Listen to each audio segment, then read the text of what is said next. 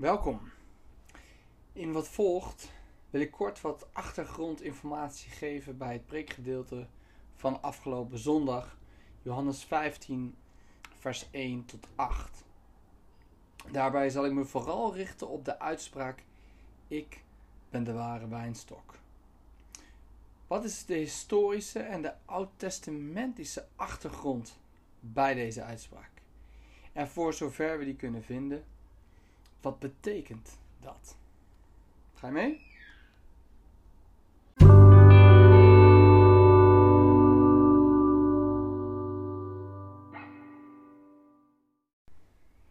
Allereerst de historische achtergrond.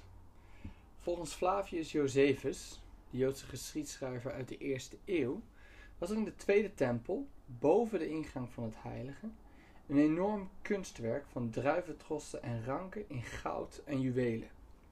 Het moet een gigantisch werk zijn geweest met druiventrossen zo groot als mensen.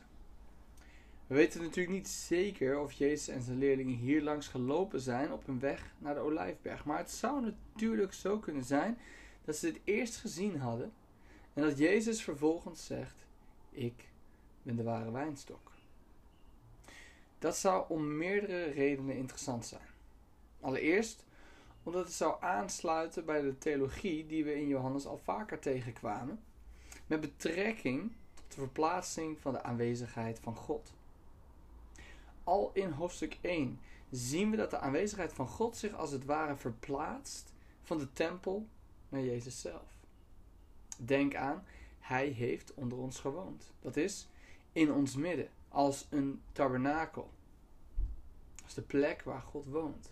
De Heilige Geest, de Shechina in het Oude Testament, die op hem neerdaalt na de doop van Johannes.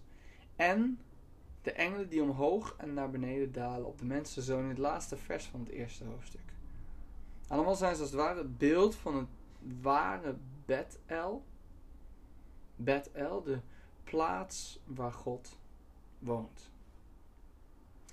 En daarnaast, en dan komen we bij ons tweede punt, namelijk de oud-testamentische achtergrond, komt het beeld van de wijnstok veelvuldig voor in het Oud Testament.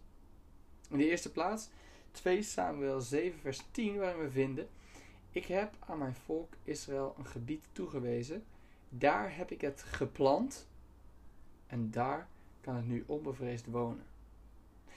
Daar gaat het over een planting, maar vervolgens zien we in Psalm 80 dat hier het beeld van de wijnstok bij komt. In vers 9 en 10 staat het volgende: U hebt een wijnstok uitgegraven in Egypte en volken verdreven om hem te planten. U gaf hem een ruime plek, hij schoot wortel en vulde het land. En in de profeten vinden we datzelfde beeld aangehaald en uitgewerkt. Zowel in Ezekiel als Jezaja wordt er gesproken over Israël als een wijnstok door God geplant. Zie bijvoorbeeld Ezekiel 15, 17 en 19 in Jezaja hoofdstuk 5. In deze stuk wordt ook geschreven over de vruchten.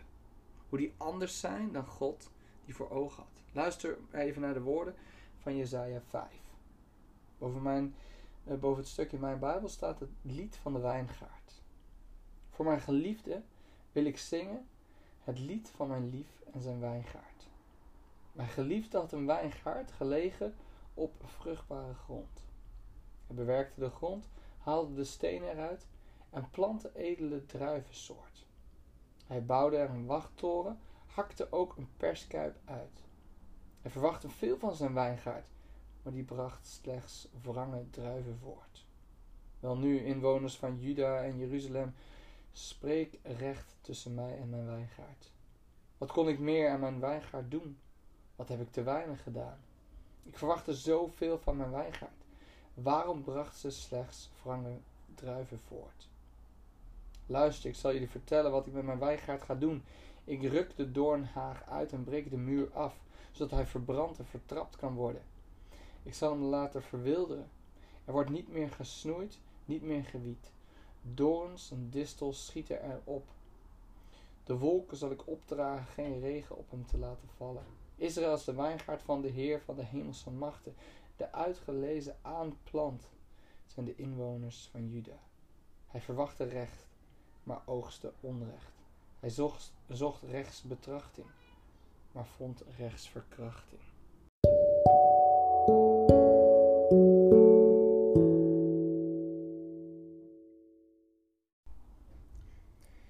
Volk Israël wordt dus beschreven als de wijnstok door God geplant in het land Israël.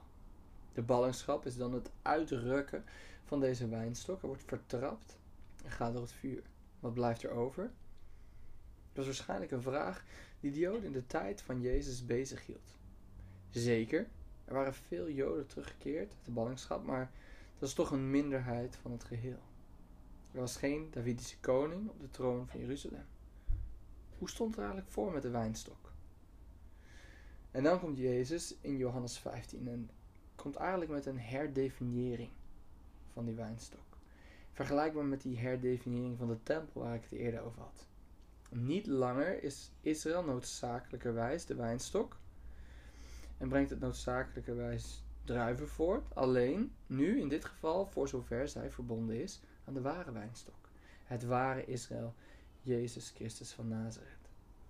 Leven vloeit door hem naar de ranken. En in verbondenheid met hem ontstaan er goede vruchten. Wat doet dat met ons? Allereerst helpt het ons om ons oog te richten op Jezus. We leren hem steeds meer zien in al zijn glorie en luister. De luister van de enige zoon van de Vader, die alles wat we in het Oude Testament vinden in zichzelf vervult. Hij is de ware wijnstok die nooit tekort zal schieten, nooit zal falen en nooit wrange druiven zal voortbrengen. In dat kader moet je misschien eens Jezaja 11 lezen. En wil ik hier Jezaja 12 aanhalen als een stuk aanbidding eigenlijk. Op die dag zul je zeggen: Ik zal u loven, Heer. U bent woedend op mij geweest, maar uw toorn is geweken. U troost mij. God is mijn redder. Ik heb een vast vertrouwen, ik wankel niet. Want de Heer is mijn sterkte, Hij is mijn beschermer. Hij heeft mijn redding gebracht. Vol vreugde zul je water putten uit de bron van je redding. En op die dag zul je zeggen: Loof de Heer, roep zijn naam uit, maak alle volken zijn daden bekend. Verkondig zijn verheven naam. Zing een lied voor de Heer. Wonderbaarlijk zijn zijn daden. Laat heel de aarde dit weten. Jubel en juich, inwoners van Sion, want groot is de heilige van Israël die in jullie midden woont. Ten tweede geeft het ons als het goed is vertrouwen. Wie met Jezus verbonden is, zal vrucht dragen. Dat is een belofte. En wat een heerlijke belofte.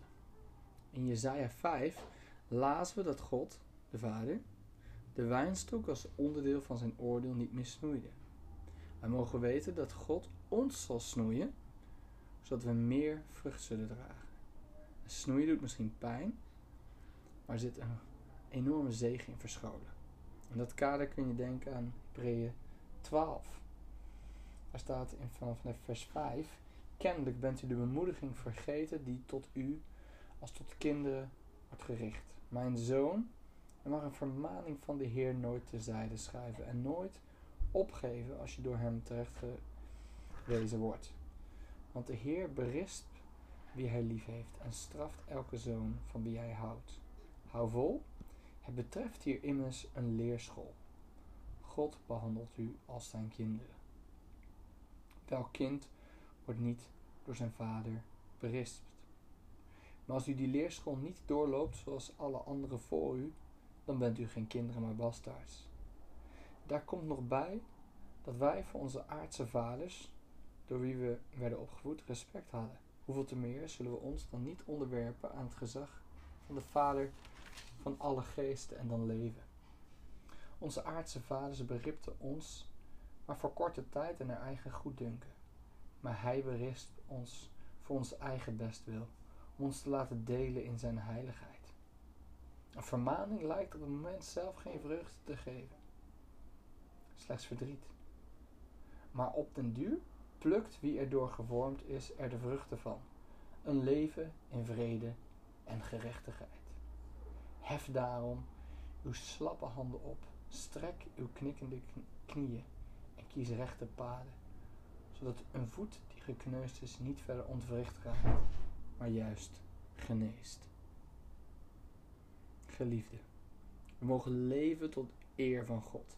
Jezus is onze ware wijnstok en God gaat met ons aan de slag. Wat een zegen, wat een liefde, wat een zorg. Alle eer aan de Vader en de Zoon. Amen.